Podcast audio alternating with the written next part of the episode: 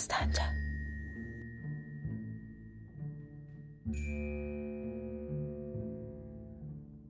Xan yuxudan tez durmuşdu. O bu gün divanxanada işlərə baxacağını söylədi. Çay içib xanla bərabər qalxdıq. Xanın divanxanası ilə maraqlanırdım. Divanxanada iştirak etmək üçün müsaidə istədim. Buyurunuz. Məhkəmə işlərimizlə tanış olmağınız yaxşıdır. deyə xan icazə verdi. Divanxana həyətinə çıxdıq. Balkonda bir çox kəndli durmuşdu. Hamısı birdən xana baş əydi. Xan içəri girib döşəyinin üstündə əyləşdi. Vəziri Mirzə Cavad ağa da dünən oturduğu yerdə oturub yeşikdən bir çox kağız çıxardı. Mən də pəncərənin digər tərəfində əyləşdim. Qafar Dursunoğlu, Qafar Dursunoğlu Dizəcik sakini Dodarlı kəndindən Cəfər ağanın qızını götürüb qaçmışdır. Atışmada Cəfər ağanın nökərlərindən Amana güllə atıb öldürmüşdür. Bu sözlərin hamısı doğrudurmu? deyə xan Qafardan soruşdu. Doğrudur, malım xanım canına qurban olsun. Hmm. Bunun nəyi vardır? deyə xan Mirzə Cavada müraciət etdi. Mirzə Cavad yenə də kağıza baxıb dedi: 500 qoyunu, 8 inəyi, 4 atı, 11 baş öküzü və bir qədər də xırda heyvanı vardır. Xan heç düşünmədən dedi: 20 baş qoyun birinə güllədən ölmüş amanın uşaqlarına verməlidir.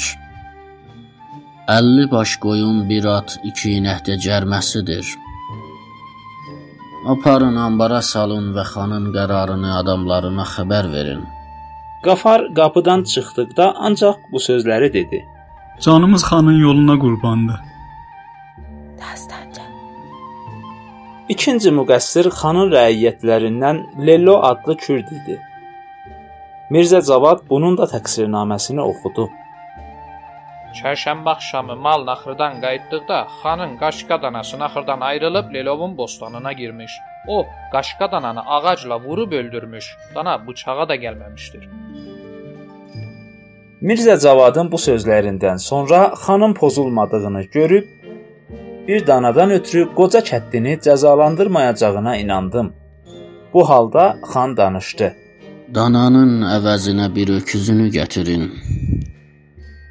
Həyasızlığının cəzası da 100 çubuqdur. Dəstəncə. Cəza qərarını verdikdən sonra xan ayağa qalxıb və Mirzə Cavad xanla dışarı çıxdı. Mən də onlarla çıxdım. Həyətdə kətlini üzüstə yerə uzatmışdılar. Tumanını sıyırıb qıçlarına sarmış və köynəyini də tamamilə çıxarmışdılar. Bir nəfər onun başı, bir nəfər də ayaqları üstündə oturmuşdu. Çubuqlar işə düşdü.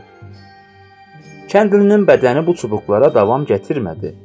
Hələ ilk çubuqlardan sonra zolların yerində qan görünməyə başladı. Kəndli hərəkət edə bilmirdi.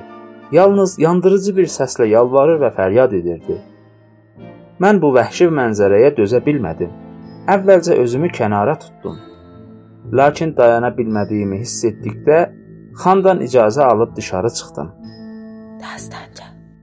Rusiya sahilində Araz çayı çox sakit axırdı.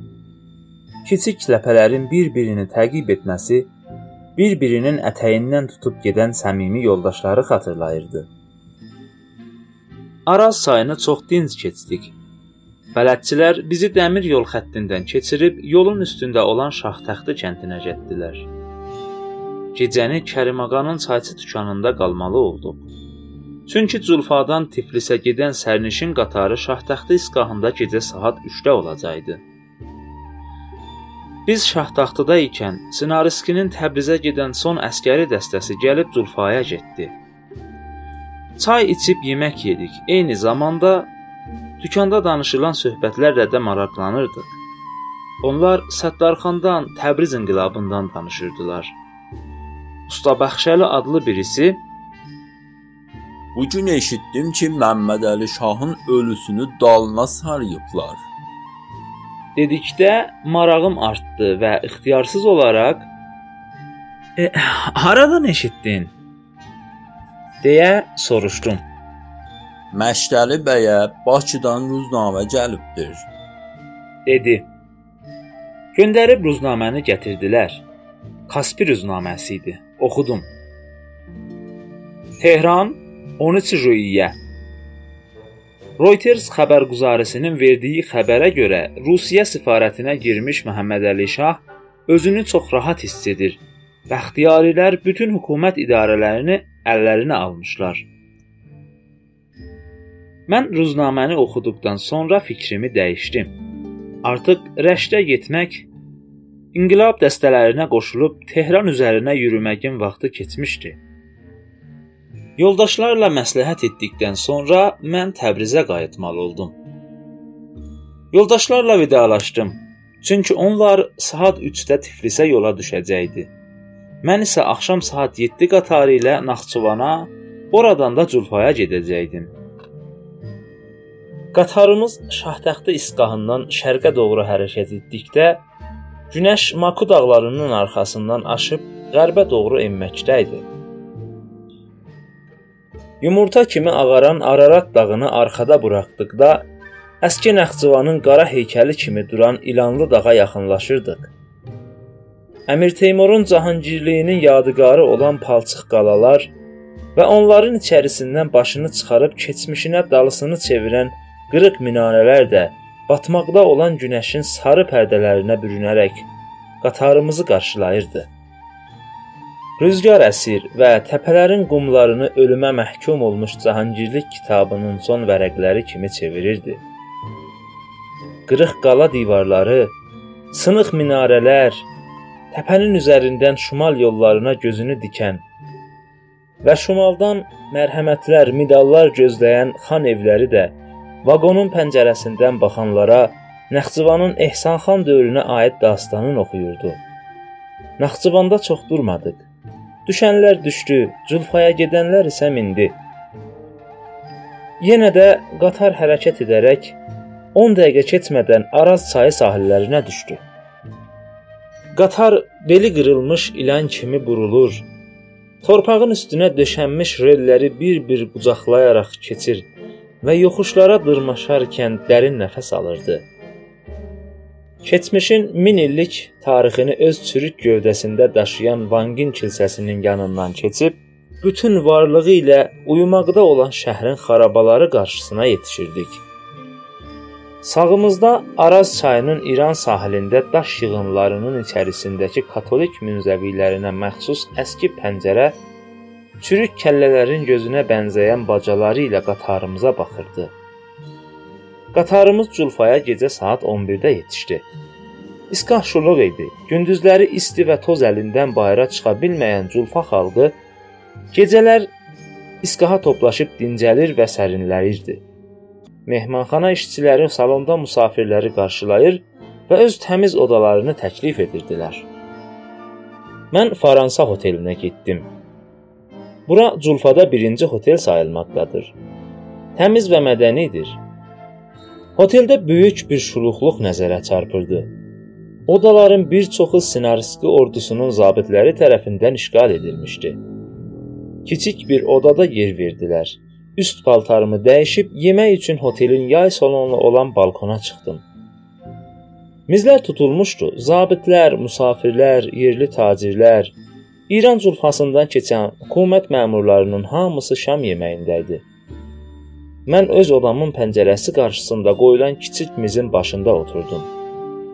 Gödək boylu, sallaq bığlı, üzü qırxılmış dolu bir erməni mənə yanaşaraq "Nə buyuracaqsınız?"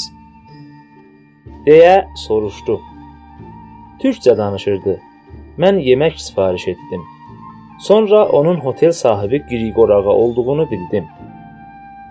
Birdən dəhlizdə səs-küy qopdu. Bir nəfər fasla mehmanxana xidmətçisi savaşırdı. Sonradan məlum oldu ki, Fars Ələmdar hakimi İqbal Nizamdır. O əxlaqsız qadınların sərxoş olaraq haqq hesabını verməkdən boyun qaçırmış və əlavə olaraq bilməyərəkdən öz dəsmalını şalvarı ilə bərabər əyninə geymişdir. Xidmətçi öz dəsmalını onun şalvarından çıxarıb təhqir etdiyi üçün hakim acıqlanmışdır. Mən oturan mizi ilə yanaşı qoyulan mizdə 4 nəfər oturmuşdu.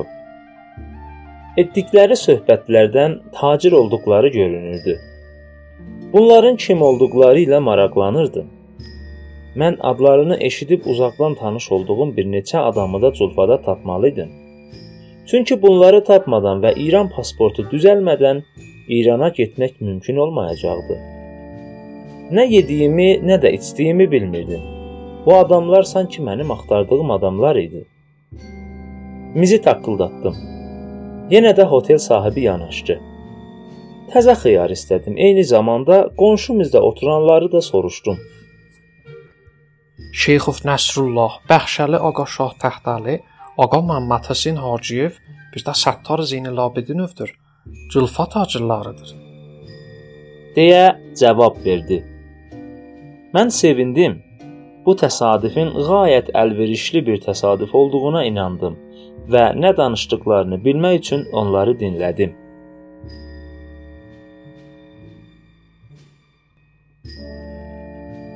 Kitabın adı Dumanlı Təbriz. Yazar Məhəmməd Səid Ordubadı. Hazırlayan Nurullah Purşərif. Bu bölümdə səsləndirdilər.